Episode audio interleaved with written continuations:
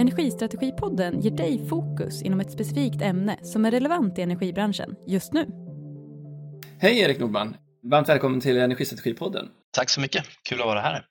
Och idag tänkte vi fokusera mer på frågan om beredskap och den har ju varit väldigt aktuell nu med tanke på vad som har hänt i vårt närområde och inte minst tänka på situationen kring Ryssland och eh, Ukraina den senaste perioden. Och det här är frågor som ligger varmt om hjärtat för dig vet jag ehm, och du sitter så som, jag beskriver din roll på SVK först.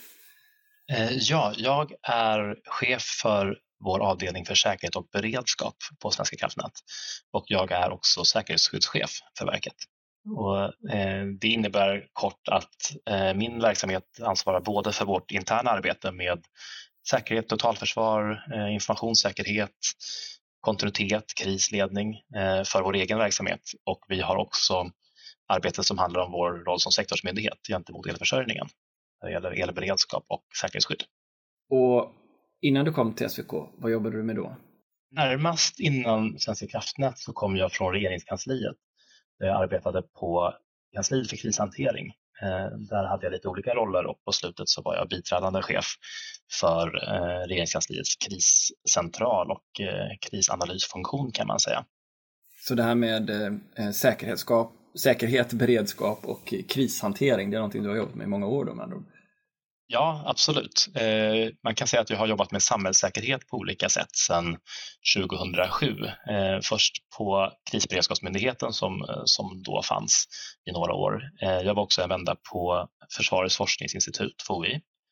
Och jag har varit en sväng på MSB också och ganska många år i regeringskansliet. Så jag har en ganska lång erfarenhet av samhällssäkerhet i bred bemärkelse. Både, både krishantering, säkerhetsskydd, kontinuitet, eh, informationssäkerhet. Och då, då börjar jag med en, en, en väldigt bred fråga kanske då, men eh, det, för det kan vara en personlig uppfattning hos mig eh, för att jag läser nyheterna på ett sådant sätt att jag tror att jag har förstått debatten som att kris, krisberedskapen blir allt viktigare, säkerhetsutmaningarna eh, blir allt mer komplexa. Har jag fått en rätt bedömning av hur jag uppfattar medierna då? Eh, eller finns det en annan bild? Nej, jag, jag delar den bilden 100 procent, absolut. Det har hänt oerhört mycket under de här åren som jag har arbetat med samhällssäkerhet, både i, både i hur man ser på frågeställningarna, skulle jag säga, eh, i, eh, i media och från allmänheten och också i det offentliga eh, från, från statsmakterna och sådär men också i de faktiska sårbarheterna och hoten.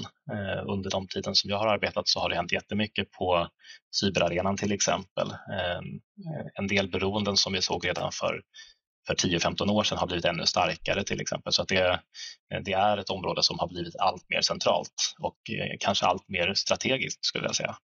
Och då blir man ju intresserad av hur vi resursallokerar till ett område då som, som blir allt mer potent. Eh, hur, hur många är det som jobbar med de här frågorna hos er på SVK? Och vilka direkt i anslutning kanske hos andra myndigheter är det som jobbar med motsvarande frågor inom energiförsörjningen? Det är ganska många som arbetar med de här frågorna, eh, både hos oss och hos andra och eh, det är en, en ökande mängd människor skulle jag säga. Om man tittar för oss på Svenska kraftnät så Eh, vi gjorde en omorganisation för ett drygt år sedan eh, och bildade den här avdelningen då för säkerhet och beredskap.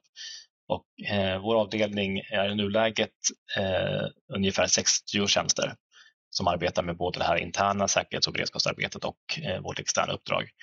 Ehm, och det är en tredubbling på ett antal år, så det är en väldigt snabb ökning i resurser hos oss. Eh, jag skulle nog tro att det, det speglar hur det har sett ut i samhället i stort. Eh, vi kanske har ökat ännu mer än vissa andra, men överlag på många myndigheter och på många företag så skalar man upp arbetet med säkerhet och beredskap för att möta nya lagkrav, för att eh, vara beredd för en ny hotbild. Ja, jag tror att många där ute i, i, eh, på många olika delar, i många olika delar av energibranschen känner att det är en stridström av både nya regler och, och förhållning och input av information som man behöver ta till sig av. Vad är din bedömning om resursallokeringen är stark på myndigheterna? Hur ser det ut i branschen? Ja, men det, det, det, är precis som du säger, det finns ju ökade krav som, eh, som träffar företagen i väldigt stor utsträckning. Ehm, och ehm, min bild är att det är, det är lite av en huggsexa efter kompetenser eh, just nu, både i både på företag och på myndigheter. Det är väldigt många som eh, skalar upp sitt arbete med säkerhetsskydd. Det är många som börjar brottas med frågan om hur man ska klara av anpassningar till, eh, till ett nytt totalförsvar, och ny totalförsvarsplanering. Eh, det finns väldigt stora behov kopplat till informations och IT-säkerhet som kan kräva ganska specifika kompetenser. Eh, och sen har vi dessutom, dessutom ett område som har lite speciella utmaningar. Vi har mycket eh, industrinära IT-system till exempel som kanske kräver särskilda kompetenser som är ännu mer sällsynta. Så det, det är, eh, det, är, det är många som skalar upp eh, ganska brett skulle jag säga. Jag ska väl kanske också nämna det för oss på Svenska kraftnät. Jag nämnde min, min avdelning, men vi har ju också skalat upp på bredare i organisationen eh, inom vår IT-verksamhet, inom de som arbetar med att bygga och förvalta våra anläggningar, inom de som ansvarar för säkerheten vid våra, eh, våra kontor och så vidare. Så att, eh, samtidigt som vi bygger upp en starkare säkerhetsverksamhet så skalar vi också upp i, i de olika delarna av kärnverksamheten och andra stödverksamheter. Och det tror jag också eh, kanske är gemensamt hos många andra, att man eh, säkert får en större plats i många processer. Om vi tar ett sånt här exempel på ökat säkerhetshot så är det ju lätt hänt att tänka på Ryssland och upptraktningen av eh, trupp kring Ukraina och den diplomatiska kris det har föranlett med både NATO och eh, eh, oss som alliansfria. Eh, är det någonting, eh, det anspända läget, föranleder det på något sätt ett agerande även eh, någon förhöjd riskmedvetenhet i energibranschen som du ser det? Ja, det finns väl två svar egentligen. Och det första svaret är att det vi ser nu med ett skarpare omvärldsläge, det faller väl in i den hotbild som vi har sett sedan tidigare. Ehm, vi, vi från Svenska kraftnät ger ut en öppen antagonistisk hotbild där vi beskriver hur vi ser på hotet för just elförsörjningen. Och där lyfter vi just det spända omvärldsläget, eh, den geopolitiska situationen som någonting som vi behöver ta höjd för. Och den utvecklingen vi har sett de senaste månaderna ryms i den bedömningen skulle jag säga. Så det är en del av, av en eh, verklighet som vi redan tidigare ser att vi ska ha med oss och dimensionera oss mot. Ehm, så det är det ena svaret. Det andra svaret är att när någonting sånt här händer och vi har de här typen av, av skeenden som vi har, då följer vi det särskilt nära och eh, både vi och andra aktörer i elförsörjningen eh, kommer ju sänka tröskeln för vad man, vad man agerar på, vilken typ av incidenter och avvikelser som man utreder särskilt och följer upp särskilt. Eh, man kanske eh, eh, ökar medvetenheten hos de som är närmast infrastrukturen. Eh, eh, tittar särskilt nära på, eh, på trafik i sina IT-system och så vidare. När du säger att ni följer en sånt här ärende särskilt noga, vilka andra parter är det ni samarbetar med då? Vi som, vi som myndighet har ju nära samarbete med andra myndigheter såklart. Så Eh, vi pratar både med, eh, med Försvarsmakten, med Säkerhetspolisen eh, och med Myndigheten för samhällsskydd och beredskap om hur de ser på omvärldsläget. Om de ser att det är ändringar i, i säkerhetsbedömningar eller någonting som vi ska ta höjd för som är, som är nytt så att säga.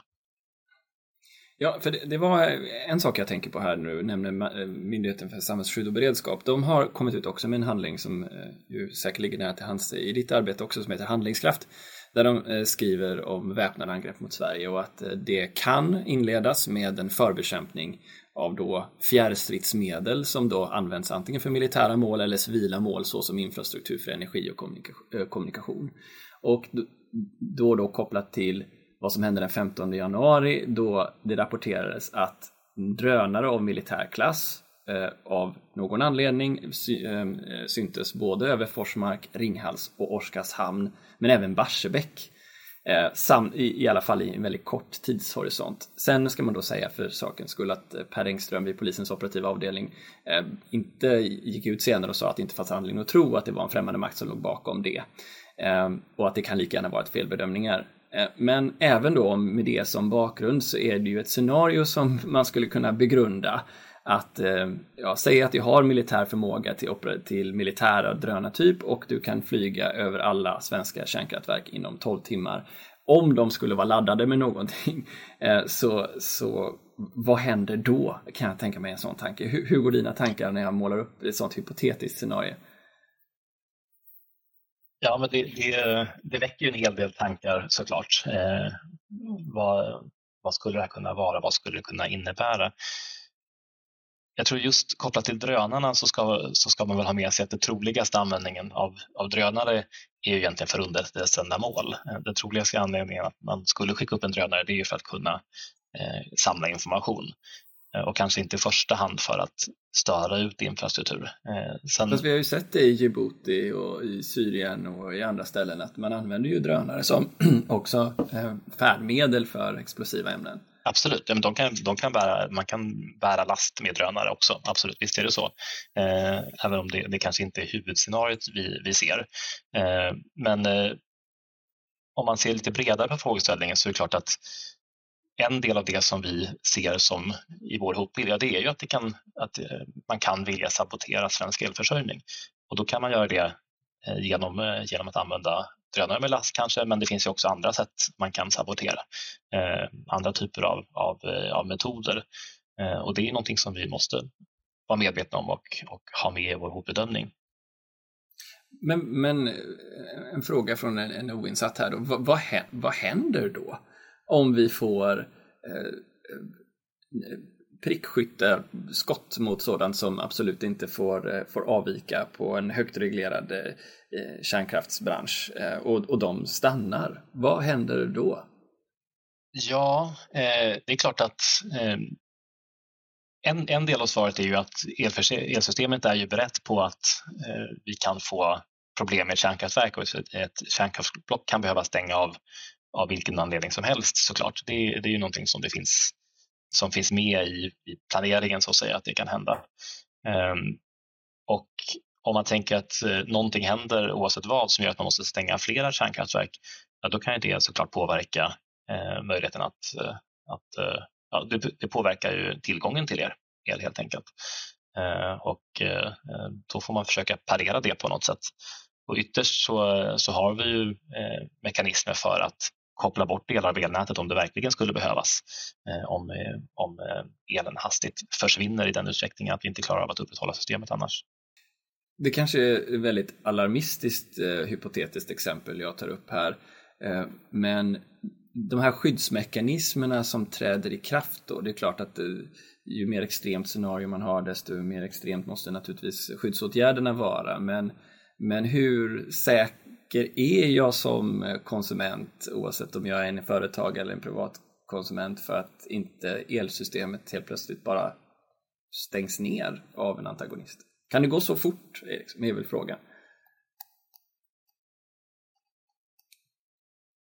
Hur ska jag göra min riskbedömning? är väl egentligen det jag, gör, jag tänker själv. För jag menar, jag vet ju att det, det är ju inte bara, det är inte bara för elen vi behöver, eller så för, som att tända en lampa. Jag behöver elen, jag behöver ju den för min fjärrvärme eller min värmepump. Jag behöver ju den för att vattenpumpan upp till vattentornen ska fungera. Eh, springer jag iväg och blir alldeles tokig, här måste ju liksom, det här måste ju bara fungera. Jag är en modern svensk, jag klarar mig inte många timmar utan el. hur ska ja. jag tänka? Ja, men det, det, är, en bra fråga. Och, um dels kan man väl säga att det är inte, det är inte riktigt så lätt att, eh, att stänga ner elsystemet som det kanske ibland, ibland låter. Eh, vi har ett, ett elsystem som det finns en del inneboende risker och sårbarheter med att man har en infrastruktur som, som eh, är beskaffad som den är. Den, den står där, den finns synlig, den går inte att gömma, den är, den är över en stor geografisk yta och så vidare. Eh, men samtidigt så försöker vi bygga ett elsystem som klarar av Eh, störningar som, eh, där elen kan gå andra vägar och där vi har planering för, för bortfall av enskilda eh, kraftkällor eller stationer eller sådär. Ehm, så, så det, det är väl både så att det är ett system som man inte fullt ut kan skydda men det är inte heller så att det är jättelätt att, att släcka ner det. Sen tänker jag att som, som enskild person så ska man ju aldrig vara Eh, man kan inte räkna att elen alltid kommer finnas där, för det är klart att det finns scenarier som, eh, som elförsörjningen inte kommer klara av. Eh, eller där man kommer att räkna med störningar över, över en viss tid. Och när vi pratar om förberedelser för totalförsvar till exempel och den typen av scenarier man tänker sig där, ja då, då får man ju räkna med att det kommer, om vi hamnar i ett läge där vi är i, i väpnad konflikt, ja då kommer det innebära störningar för elförsörjningen till exempel. Det, det får man nog räkna med. Och om jag, om jag släpper det här alarmistiska scenariot och går över till, till en metod, hur, hur ser den ut för att eh, ja, allokera resurser rätt till riskbedömningar från antar jag väldigt låg grad till väldigt hög grad. Hur, hur jobbar ni med, med riskhantering?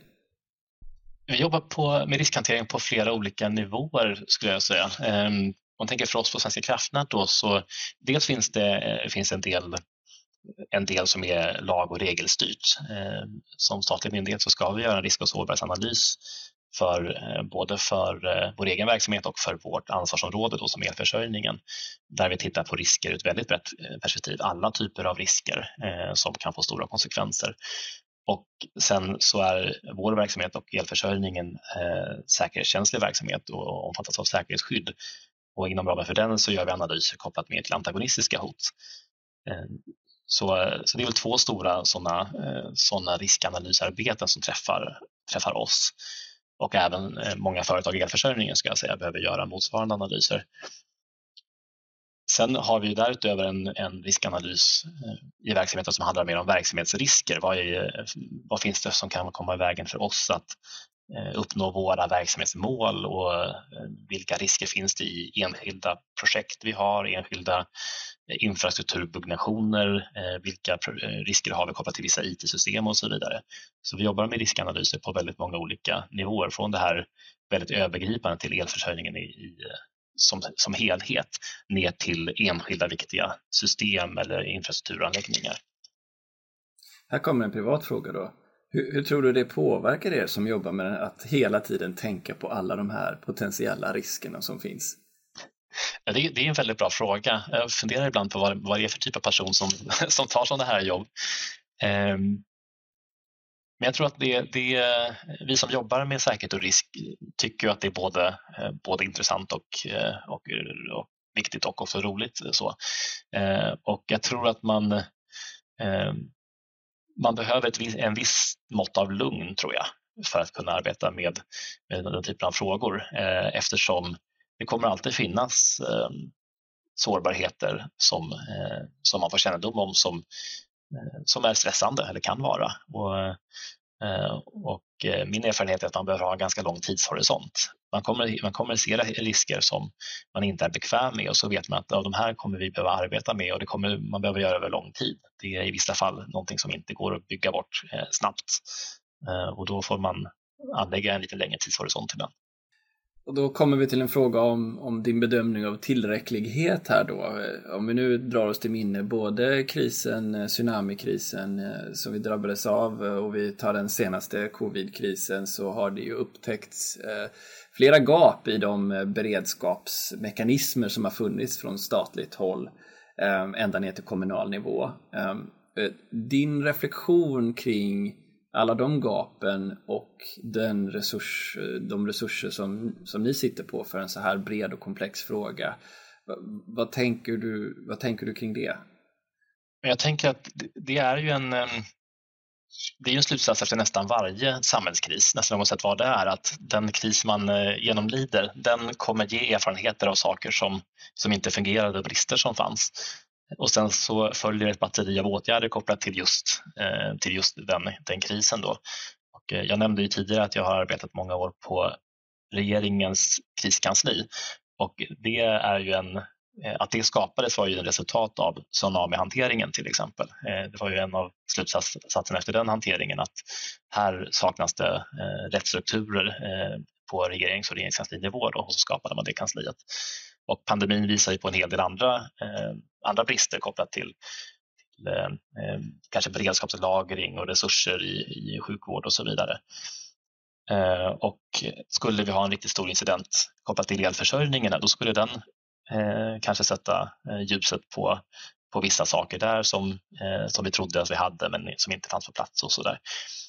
Eh, redan, redan innan så kan man ju se att vi Eh, jag nämnde att vi skalar upp eh, de, de som arbetar med säkerhet och beredskap och att man gör det i stort i elförsörjningen eh, och det tror jag är, är helt korrekt.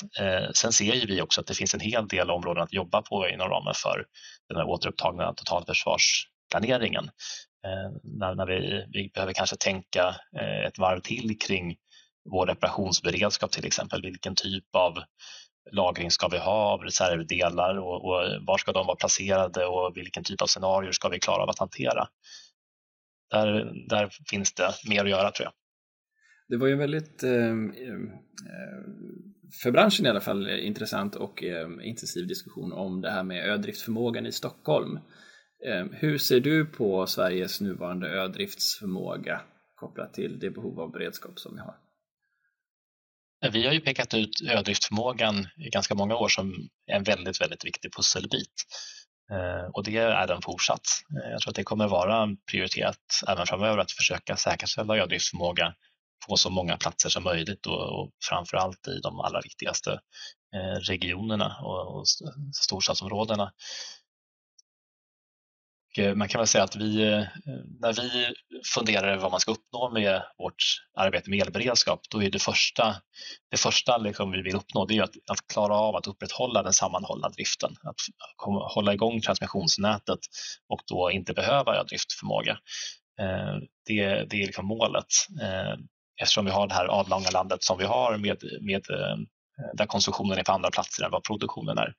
Men vi vet också att det kanske inte är möjligt i alla scenarier och då är ju ödriftförmågan att bedriva elproduktion och eldistribution i, i öar, det är nästa steg, så den är jätteviktig. Så ni påtalar det, eh, upplever du att ni får gehör för det? Ja, det tycker jag att vi får, fast det är, det är väldigt komplext och svårt skulle jag säga. Eh, dels, eh, dels har vi fått vissa ökningar i vårt elberedskapsanslag och det, det anslaget kan vi använda bland annat för åtgärder som hjälper till att skapa ödriftförmåga och upprätthålla ödriftförmåga och det är jättebra. Eh, sen är det en svårighet i sig att eh, en hel del lokal kraftproduktion eh, läggs ner eller liksom inte längre ekonomiskt gångbar. Och det är ju kanske där förutsättningarna är som allra, allra bäst att ha eller bygga upp en ödesförmåga. Det är ju där man har någon form av lokal kraftproduktion. Så det är en utmaning. Det är, det är väldigt svårt att det är lite trender som går mot varandra där. Just det, det var ju min nästa fråga. Eh, vad er input är till utvecklingen av ett helt förnyelsebart energisystem med om man skulle ta er egen långsiktiga marknadsanalys så mycket som 88% vindkraft i ett sådant system 2045. Eh, hur ser du på det? Med väldigt mycket variabel kraft. Det är ju en jätteutmaning såklart. Eh, det finns ju många utmaningar kopplat till eh, till det som vi och, och fler jobbar på att fundera över hur, hur ska framtidens elsystem fungera? Eh, med den här jättestora energiomställningen som vi är mitt i, då behöver elsystemet fungera annorlunda än vad det har gjort historiskt och vad det gör idag. Eh, be det behöver finnas andra system, andra lösningar för hur vi arbetar med elmarknad och med balansering. Och eh, det påverkar såklart också de här, eh, de här delarna som handlar om eldriftförmåga. Vi behöver kanske undersöka hur och i vilken utsträckning kan vi använda andra typer av kraftkällor eller andra lösningar för att uppnå den, den funktionen. Eller kan det till och med vara en, en fördel strategiskt att man får ett mer decentraliserad eh, produktionsgeografi liksom, i energibranschen? Det kan det absolut vara. Det finns, det finns både för och nackdelar med det. Eh, och en, en fördel är just att, att vi får, om vi får fler produktionskällor så är det i sig en, en fördelning av risk på ett sätt.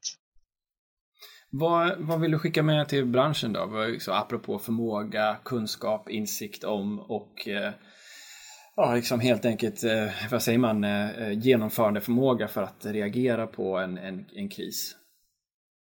Men skulle jag skicka med några, några saker till de företag som verkar i branschen så skulle en, ett medskick vara att försöka bygga upp ett systematiskt arbete med, med de här frågorna. Det är ett område som kanske riskerar att bli eh, lite väl eh, mycket ad hoc, styrt. Eh, det, man kan bli reaktiv på händelser som inträffar eller när någon fråga blommar upp och blir, blir stor. Men det är väldigt mycket vunnet om man har skapat strukturer för hur hanterar man incidenter, hur, hur arbetar man med riskhantering, vilken typ av processer ska man, var ska man väga in säkerhet och beredskapsaspekter redan när man planerar byggnation eller när man funderar hur man eh, organiserar sin verksamhet. Eh, så att försöka skapa eh, systematik, det tror jag är väldigt värdefullt och det tror jag är värdefullt även om man är en liten organisation där man inte kan ha jättemycket resurser så tror jag man vinner på att försöka skapa någon form av tydlighet i processer och, och system, system för frågorna. Det tror jag är en stor hjälp. Och sen så tror jag också att eh, man ska ta vara på möjligheterna till samverkan. Det är ju å ena sidan en, bransch med privata aktörer som ju också konkurrerar med varandra men som i väldigt stor utsträckning har samma typer av utmaningar. Och jag tror att man kan vinna mycket på samarbete. Eh, man har samma typ av bestämmelser att leva upp till, man har samma typ av utmaningar. Har du tips på den typen av samarbeten för man inte känner till vad som finns? Ja, det finns ju en, en del eh, redan och eh, eh vi har ju ehm, eh, i, inom ramen för eh, energiföretagens eh, eh, branschorganisationen så finns det en grupp till exempel som arbetar med säkerhet och beredskap och där eh, man gör väldigt mycket bra arbete. Så det är ett sådant forum. Det låter ändå, om jag sammanfattar det här som att eh, det är med tanke på en allt större och ökad hotbild ändå så att vi svarar på det på ett sätt som gör att du verkar känna dig ganska trygg. Ja, det tycker jag väl. Eh, jag, jag nämnde att man ska vara ganska lugn när man arbetar eh, med de här frågorna jag, jag gör och eh, jag är nog ganska lugn som person och jag känner mig trygg så tillvida att det pågår väldigt mycket bra arbete. Samtidigt så ska jag inte heller sticka under stol med att det är ett väldigt komplext område och det är ett område där vi får nya risker och i vissa avseenden ökande risker. Så att jag är trygg med att det sker mycket bra arbete, men det är inte så att vi är liksom klara med arbetet med att stärka säkerheten och beredskapen i elförsörjningen, utan det finns en hel del kvar att göra. Men jag sover gott om natten, så kan jag säga. En av de sakerna jag hör när jag är ute och jobbar i branschen är att det är, inte, det är inte så lätt eh, att jobba med säkerhetsfrågorna om man är ett lite mindre elnätsbolag, säg. Eh, vittnesmål som, ja men hur ska vi kunna förhålla oss till att läsa att ja men ju längre en leverantörskedja är desto större är risken för att en främmande makt eh, agerar antagonist och eh, implementerar eh, virus i, i, i någon del av en underleverantörs produkter eller mjukvara. Eh, när vi ska digitalisera och sätta in nya produkter i ställverk, hur, hur, ska vi, hur ska vi ens våga göra det? För det jättesvårt för oss att göra den här bedömningen, vilket innebär att vi slår klackarna i backen och inte vet hur vi ska eh, bedriva vårt, eh, vår, våra reinvesteringar. Eh, kan, du, kan du förstå liksom, den problematiken? Ja, jag kan, kan, absolut förstå den problematiken och vi ser ju samma sak skulle jag säga i vår kontakt med både mellanstora och små bolag som vi har tillsyn över. Det är väldigt, väldigt svårt att leva upp till eh, de säkerhetskrav som finns och det här som du nämner med leverantörskedjor, eh, det är nästan ett särskilt svårt område. Jag tycker att det är svårt även för stora aktörer som oss och för de stora energibolagen eh, så är det knepigt och det, det är ju väldigt, väldigt svårt för dem som har ont om resurser att sätta på frågan. Jag tror att det vore bra om vi kunde hitta bättre former av stöd för det från det offentliga. Sen vet jag inte exakt hur det skulle se ut eh, liksom rent praktiskt, men jag tror att det skulle vara värdefullt eh, om vi kunde ge mer stöd, eh, kunna peka på produkter man kan vara trygga på eh, med eller eh, metodik för att eh, följa upp eh, leverantörskedjor eller eh, peka ut best practice för hur man kan vara så säker som man kan vara eh, vid inköp av komponenter och flera med den typen av saker. Så jag tror att det finns mer att göra. Jag ser precis det problemet som du lyfter. Mm. Ja, för jag tänker att risken blir ju annars att man genom att inte ens orka kunna eller ha resurser att ta sig igenom lagmassan eh, inte kan anpassa sig till 15 minuters avräkning, till alla de stödsystem som finns för eh, automatisk anomalidetektering, självläkande system i elnäten och så vidare. Det, det, blir ju till syvende och sist nästan någonting som drabbar kunderna i det att, att eh, Eh, säga, oket eller hur man ska beskriva det av säkerhetskraven också leder till liksom, andra typer av eller begränsande beslut snarare för, för de medelstora och, och mindre aktörerna. Eller kanske till och med för de stora som du nämner. Jag, jag, tror att det är, mm, som du också belyser, jag tror inte att man har ett val alla gånger. Det finns ju en del saker som man kanske måste genomföra eh, och så får man hantera de risker som finns och de, eh, de eh, säkerhetskrav som finns så gott som man kan med liksom sin bästa förmåga. Eh, det är inte så att alla det är inte så att det är möjligt alla gånger att hålla kvar vid nuläget, även om det skulle innebära minst risker liksom i det omedelbara korta skedet. Så den där, det är en svårnavigerad verklighet för många. Alltså. Man, man, måste våga ta vissa kliv framåt eh, ändå, menar du? Ja, jag tror det. Jag tror att eh, vi, vi ser en, vi ser en ökad digitalisering, vi ser en ökad automatisering i elförsörjningen och det tror inte jag är någonting som vi kan liksom, rulla tillbaka eller backa. Eh, och då måste vi hitta sätt att hantera det så gott som det, så gott som det går och vara, eh, vara medvetna om riskerna och uh, vara aktiva i vårt, eh, vår riskhantering, att göra medvetna val. Så jag tror inte att att eh, liksom inte låtsas om den utvecklingen, det kommer inte vara ett alternativ vare sig för stora, stora eller små aktörer tror jag. Du, eh, tack så hemskt mycket för att du var med i Energistrategipodden Erik. Tack så mycket.